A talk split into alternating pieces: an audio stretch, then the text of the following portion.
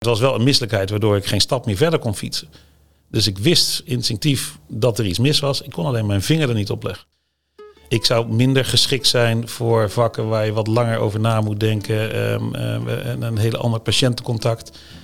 En ik moet zeggen, dit is ook een tak van sport die ik heel nuttig vind. Dat, dat heeft mij ja, die periode wel gebracht. Dat je echt wordt meegenomen. Wat betekent het nou als je patiënt bent? Mijn naam is Sander Datema en dit is de Dokter in Bed. De podcast voor artsen in opleiding bij het Rapport UMC. Tijdens de opleiding geneeskunde leer je kijken als arts. Maar wat als je zelf patiënt wordt? Wat doet dat met jou als arts? Iedere aflevering hoor je het openhartige verhaal van een medisch professional. Zij vertellen over dat ene moment dat de rollen waren omgedraaid. In plaats van arts waren ze ineens patiënt. En op welk moment beseften zij dan dat ze patiënt waren? En wat deed het met ze? Heeft deze ervaring invloed gehad op hun werk als arts? Deze podcast geeft je een uniek kijkje in het leven van medisch professionals die zelf patiënt zijn geworden. In deze aflevering van de Dokter in Bed ga ik in gesprek met Michael Edwards. Hij is traumachirurg en hoofd van de pijler traumachirurgie in het Radboud UMC. Michael, welkom. Eh, ik ben benieuwd eh, naar je verhaal, eh, maar vooral ook eerst benieuwd naar wie ben jij? Ehm, ja, goedemorgen. Eh, mijn naam is Michael Edwards. Ik ben een van de negen traumachirurgen die het uh, Radboud UMC uh, rijk is. Ik ben sinds 2004 hier werkzaam in, in Nijmegen. En sinds 2009 sta ik aan het hoofd van de, de vakgroep, of de pijler moet ik eigenlijk zeggen, traumachirurgie. Dat klinkt alsof je wel wat paden bewandeld hebt om hier te komen. Um, nou, uiteindelijk heb je, ik bedoel, de studie geneeskunde is natuurlijk uh, de weg van de lange adem. Uh, dus je, dus uh, het, het inloten, het, het volgen van de studie, het inloten in de opleiding heelkunde, dat zijn allemaal paden die wat langer lopen. En dan uiteindelijk ook nog de traumachirurgie als gouden randje. Dus dat is bij elkaar een traject dat 14, 16 jaar geduurd heeft voordat je komt waar je eigenlijk aan je carrière wil wezen. En als je heel eerlijk bent, begint het eigenlijk dan pas. Maar daar zit je nu wel. Um, ik zit nu wel redelijk op mijn plek, op de plek waar ik had willen zitten en uh, ja. waar ik me heel comfortabel voel. Want hoe, noem je jou, hoe, noem je nu wat jij bent? Ja, ik ben traumachirurg. en in de, in, de, in de volksmond wordt ook wel ongevalchirurg gezegd. Um, dat is een associatie. Ja, precies, dat is, hè, omdat het met letsels of met, met ongevallen te maken heeft. Maar met name gericht op letsel van het steun- en bewegingsapparaat in de breedste zin van, uh, van het woord wat je kan bedenken. En, en hoe past jouw karakter daarin? Um, heel goed. Um, ik denk dat je als je als dokter begint, moet je iets kiezen waar je jezelf ja, senang in voelt. En um, het wisselende, het acute, het onverwachte, dat is iets wat heel goed bij mij past. Ik zou minder geschikt zijn voor vakken waar je wat langer over na moet denken en een hele ander patiëntencontact. En ik moet zeggen, dit is ook een tak van sport die ik heel nuttig vind. En 9 van de 10 keer zijn het patiënten die een kwartier geleden nog gezond waren, niks hadden. En dan overkomt ze iets. Al dan niet door toeval of door pech of door uh, ja, uh, damlak. En om ze dan weer zo goed en kwaad als kan op de been te helpen, figuurlijk dan wel letterlijk, ja, dat, dat is voor mij heel waardevol. En het acute karakter, dat spreek je ook echt wel aan. Absoluut. Ja, ja. Eerst doen en dan denken is uh, wel mijn levensmotto, om het zo maar te zeggen. Uh, als professional heb je heel wat ervaring. En het karakter van deze podcast is dat je nog andere ervaringen hebt. Uh, dat is uh, het ziek zijn uh, waar we het, waar we ja, nu over gaan ja. hebben van, van, van mijzelf en de dokter zelf. En dat, dat was ook een, een louterende ervaring, kan ik wel zeggen. Vertel. Um, ja, moet ik voor even een tijdje alweer teruggaan. En dan, uh, dan uh, 2015. En dat was eigenlijk, het begon op een vrijdagochtend op een dag zoals altijd. Um, ik sta op, dan is het eigenlijk vrij snel douchen, aankleden, op de fiets naar, uh, naar mijn werk. En na zo'n 500, 600 meter begon ik misselijk te worden. En dan begin je als dokter te denken, denk je van misselijk, s ochtends, ik heb niks gegeten. Dus ja, een voedselvergiftiging is toch wel heel gek. Want de laatste maaltijd is langer dan 12 uur geleden, dus dat kan het niet zijn. Maar het was wel een misselijkheid waardoor ik geen stap meer verder kon fietsen. Dus ik wist instinctief dat er iets mis was. Ik kon alleen mijn vinger er niet op leggen. En dan sta je ergens in het midden van het bos tussen uh, Molenhoek en, uh, en Malden. En ik heb uiteindelijk besloten om mijn uh, vrouw wakker te bellen. Die is werkzaam als huisarts en dat was haar vrije ochtend. Dus zij springt in de auto en zag mij op het fietspad staan. En één blik van haar was voldoende om te zeggen: Nou, dit, dit voelt niet goed. We gaan naar het ziekenhuis. En was je daar op dat moment mee eens? Ik kan voorstellen dat je ook zelf, want je zegt al, als arts naar jezelf kijkt. Uh, ho hoezo nu naar het ziekenhuis? Nou, ik, ik kijk, um, gedwongen door het feit dat ik niks meer kon, um, had ik in tegenstelling tot normaal echt nul keuze. Uh, meer dan twee, drie stappen werd ik ja, gewoon weer draaier en misselijk. Dus er was ook weinig, in tegenstelling tot normaal, tegenspraak mogelijk. Um, dus um, ik ben nog wel, haar auto stond op 10 meter geparkeerd. Dat haalde ik zonder al te veel problemen. En toen heb ik mijn eigen SCH gebeld, um, waar ik destijds uh, nog afdelingshoofd van was. Ik zeg, joh, niet om het een of ander. Het is uh, 20 over 7. Ik kom er nu aan, ik voel me niet lekker. Zorg maar dat er wat mensen klaarstaan. En wat gebeurde er? Je komt daar aan.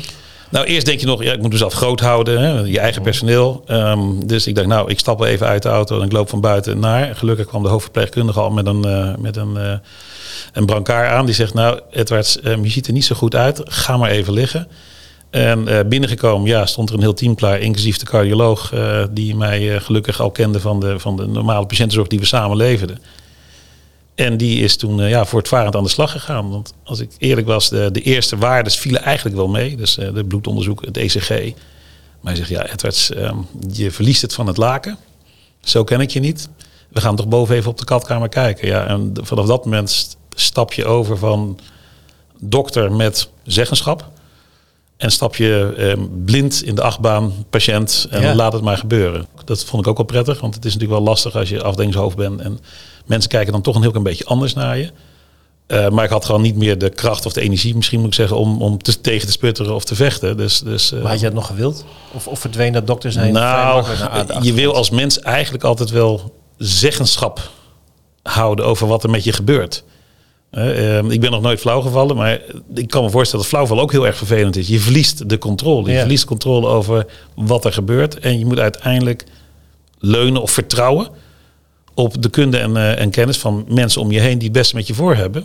En uh, ja, je staat echt voor het eerste keer aan de andere kant van, uh, van, van de medaille. Dat, dat, dat, ja, dat was wel even slikken. Los met de vraag van, goh, wat kan het zijn?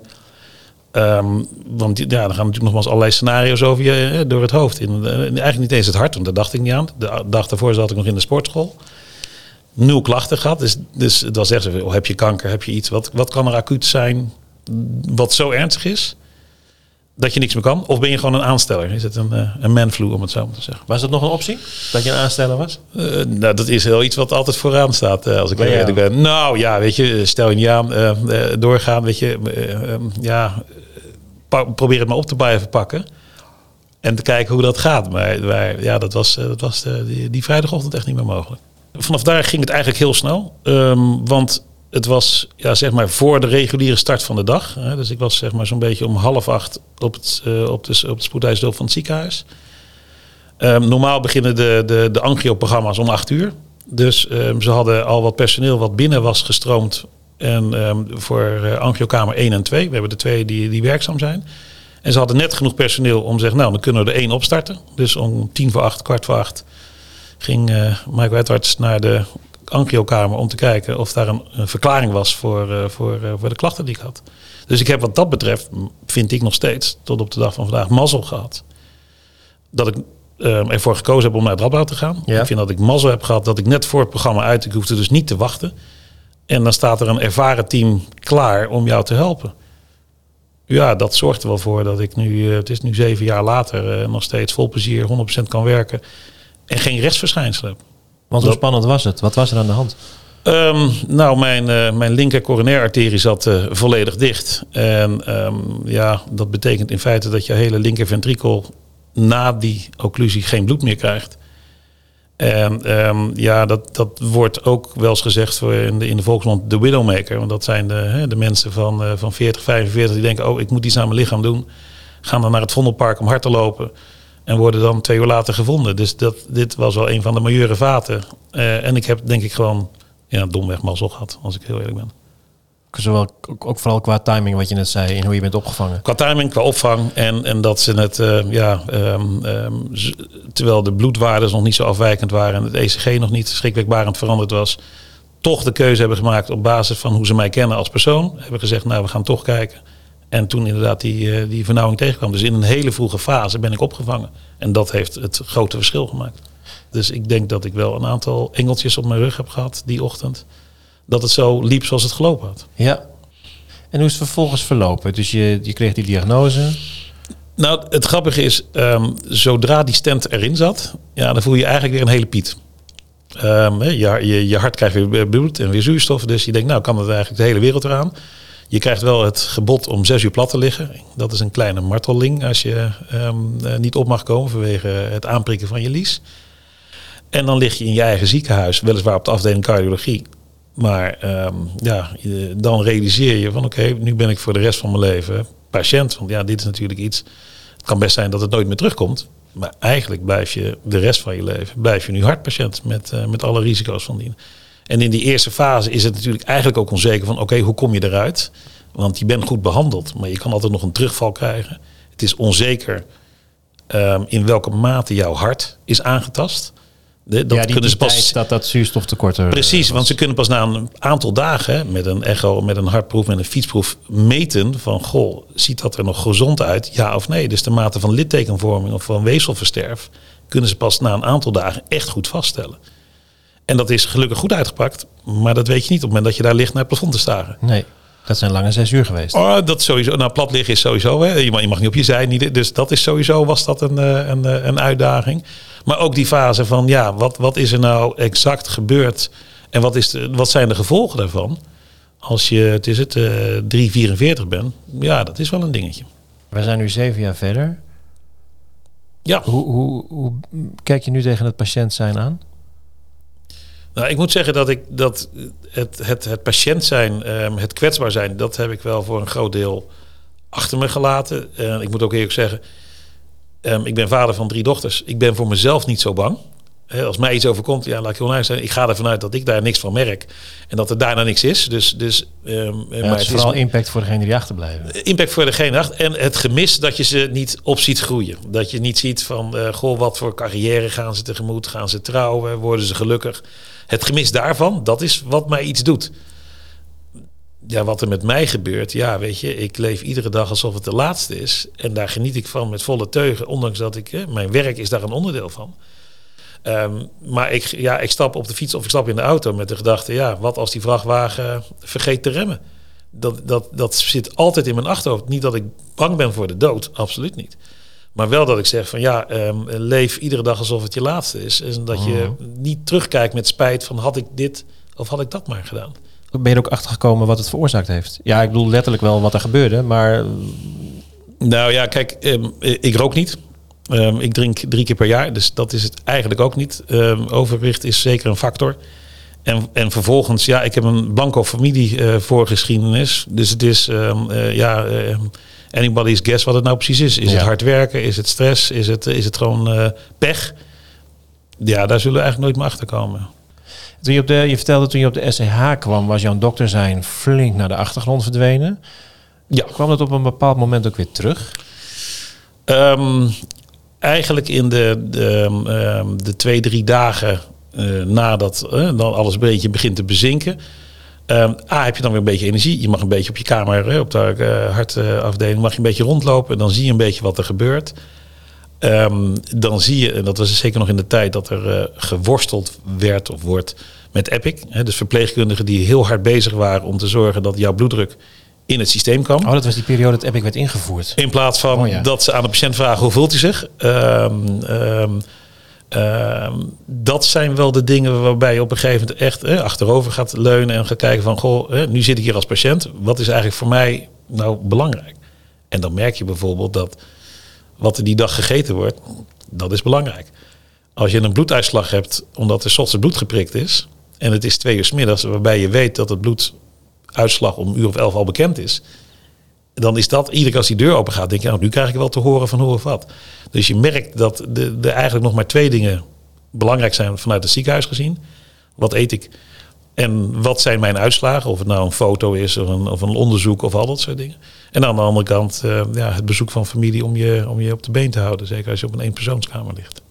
Dus ik, ik moet zeggen dat ik... ehm, het heeft mij wel geholpen in, ja, in hoe ik nu rondloop. Hè, wat ik tegen mijn assistent probeer te zeggen.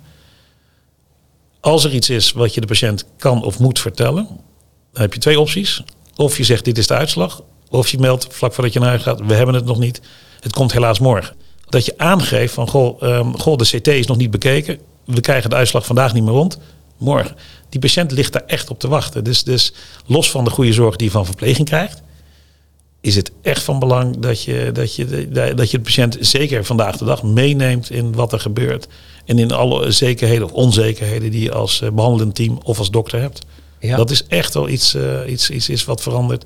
Als je echt denkt van nou, dat is zo logisch, dat zullen ze wel weten. Uh, vraag maar door, want dan blijkt het vaak niet zo te zijn. Had je dat, je dat voor jezelf daarvoor ook nog niet zo helder? Minder, minder duidelijk. Minder duidelijk dat je als patiënt echt zit te wachten op je urineuitslag of op, je, of op de röntgenfoto goed is, omdat daar misschien wat van afhangt. Of dat dat betekent of je wel of niet naar huis mag. Als je 40 bent of 35 en je hebt je been gebroken en uh, ik denk, nou, hè, mijn, mijn partner kan me verzorgen. Dan uh, een goede uitslag betekent dat je weg mag uit het ziekenhuis, wat misschien heel prettig is. Aan de andere kant ben je 82 en heb je niemand thuis. En dan vind je het misschien juist prettiger om hier te blijven. Want ja, hier word je goed verzorgd. En uh, met mensen om je heen die het goed met je voor hebben. Dus iedereen heeft zijn eigen belang, eigen wereld. En dat is voor ons als behandelgroep niet duidelijk. En dat, is, dat, dat heeft mij ja, die periode wel gebracht. Dat je echt wordt meegenomen. Wat betekent het nou als je patiënt bent? Dat soort dingen um, zie je dat we steeds meer zijn van oké, medisch gezien kan het verklaarbaar zijn, logisch zijn. Maar wat betekent het nou voor het individu? Wat betekent het voor de patiënt? Wat betekent het voor de partner? Uh, dat is ook zoiets, uh, dat hoorde ik uh, nou ja, vanochtend bij de introductie. Is dat je zegt, goh, wij zijn vrij goed in het, in het vastzetten van een bovenbeen. We zijn vrij slecht in het meebehandelen van de partner. Hmm. Die vaak met de angsten zit. van gaat het wel goed met mijn vrouw of met mijn man? Ehm, um, hoe zit het met die wondinfectie eruit? Gaat het wel de goede kant op? Daar hebben we eigenlijk helemaal geen, geen, geen, geen aandacht voor. Um, we hebben allerlei dingen voor slachtofferhulp. Maar dat geldt voor degene die gewond is geraakt. Slachtofferhulp voor de partner, ja, die is er eigenlijk, um, eigenlijk niet of nauwelijks. Kinderen doen het ietsjes beter. Dan, daar, dan erkennen we dat soms het hele gezin ziek, uh, ziek is. Denk aan het Ronald McDonald huis, vind ik een heel mm. mooi voorbeeld. Mm. Um, dat, dat het systeem geraakt wordt doordat een kind iets heeft. Maar voor volwassenen, dan is het vaak gewoon van, nou ja, u mag blij zijn dat u nog leeft. En uh, we wensen u veel succes. En is dat voor jou nog steeds zo? Of ben je daar nu ook anders naar gaan kijken? Nou, waar ik echt met name is, is dat de vanzelfsprekendheid waarin wij denken van, nou ja, hij zal zijn fysiotherapieoefeningen wel begrijpen. Of um, hij zal wel weten wat, uh, wat hij thuis mag doen. Die vanzelfsprekendheid, die is weg. Daarvan ben ik nu echt van overtuigd. Als je het niet goed vertelt, niet goed uitlegt, dan kan je er eerder van uitgaan dat het niet goed begrepen is dan dat het wel goed begrepen is. Waar uiteindelijk niemand bij gebaat is. Nou, eh, meestal niet. Kijk, we hebben onlangs hadden we een patiënt en die was aan zijn bekken geopereerd. En dat stond eigenlijk goed. En die zegt, ja, u mag uh, weer 100% belasten. Dus die stond op dag twee thuis, stond hij zijn tuin om te spitten. Want ja, dat, dat moest nog gebeuren. En 100% belasten was ook het omspitten van de tuin. Terwijl wij als dokter bedoelden, je mag je gewicht op je been zetten waarbij je je eigen lichaamsgewicht draagt. Dat is echt wat anders dan de tuin zitten. Dus op dag drie kwam hij met uh, pijnklachten terug op de spoedeisende hulp. En was alles wat we met veel moeite, bloed, zweet en tranen hadden vastgezet, volledig uitgebroken. Dat was voor mij een voorbeeld van, oké, voor ons was duidelijk wat we bedoelden, 100% belasten. En voor de patiënt was 100% echt iets heel anders. Oftewel, hij mocht weer alles doen. Ja. ja, en als je 76 bent, moet je überhaupt afvragen of je je tuin zelf moet omspitten. Of dat je daar een bedrijf voor moet huren. Maar ik snap vanuit zijn oogpunt, dat is echt een hele vitale man, snapte ik donders goed waarom hij die stap genomen heeft. Ja, zijn 100% is een ander. We hebben het hem niet goed uitgelegd. we hebben hem niet meegenomen in wat hij wel en niet mocht. En ja, dat had voor hem de vervelende consequentie dat hij uh, terug was bij af en opnieuw geopereerd moest worden. Met alle gevolgen van die. Dus het doorvragen, wat betekent het voor de patiënt? Wat betekent het voor zijn omgeving? Wat mag wel? Um, de, nu een van de stelregels die ik altijd heb, als je bij ons opgenomen ligt, krijg je een foto van jouw operatie. Dus een röntgenfoto uitgeprint op papier. Want de patiënt snapt niet altijd wat betekent, we hebben u met platen en schroeven um, hersteld. En op het moment dat je ja, een plaatje zet op meer dan duizend woorden, op het moment dat je het laat zien, is oh, nu snap ik van hoe of wat, waar kijkt u naar. En, en nou, dat zijn wel voorbeelden, ja, wat mij gebracht is van, ga er niet standaard vanuit dat hij of zij begrijpt wat jij als patiënt zegt. En ja, dat, dat, daar ben ik, uh, ja, dat klinkt heel gek, daar ben ik wel dankbaar voor dat mij deze ervaring ja, gegund is, zo zeg ik het dan maar een beetje. Um, en de, die dankbaarheid komt wel alleen maar voort uit het feit dat ik er heel goed uitgekomen ben. Ik moet zeggen, als je half krippel uitgekomen was, was die dankbaarheid denk ik wel een beetje verdwenen zal, in ja, uh, rancune ja. naar iemand. eh, ik, ja, ik ben niet gelovig, maar iemand die bedacht heeft waarom dit moest, om Ja, het zo maar ja. te zeggen. Dus het feit dat ik er goed uitgekomen ben, ehm, scheelt wel in de verwerking. Dat moet ik wel, Kan me eh, voorstellen, Dat moet ik wel ja. En, hoe, neem, jij al die ervaringen, de, de dingen die je ziet, maar ook de dingen die je dus als patiënt hebt meegemaakt, hoe neem jij dat mee in jouw onderwijs? Neem je dat mee in je onderwijs? Nou, wat ik, wat ik al probeer te zeggen, ik probeer ehm, zowel studenten als assistenten te benadrukken van oké, technisch gezien kunnen we dit, maar probeer het ook eens vanaf de andere kant te bekijken. Is het voor de patiënt logisch dat we dit doen? Is het logisch dat we je na vijf dagen naar huis sturen? Is het logisch dat we ehm, zeggen van ik wil dat je je ontbijt niet meer eet in bed? Omdat ik weet dat als je recht overeind zit aan een tafel, dat dat beter is voor je longen, dat het beter is voor je darmen. Maar ja, het doet wel verrekte zeer als je gisteren aan je bovenbeen bent geopereerd. Alleen, ik doe dus iets voor de patiënt omdat ik intrinsiek denk, hier word jij beter van.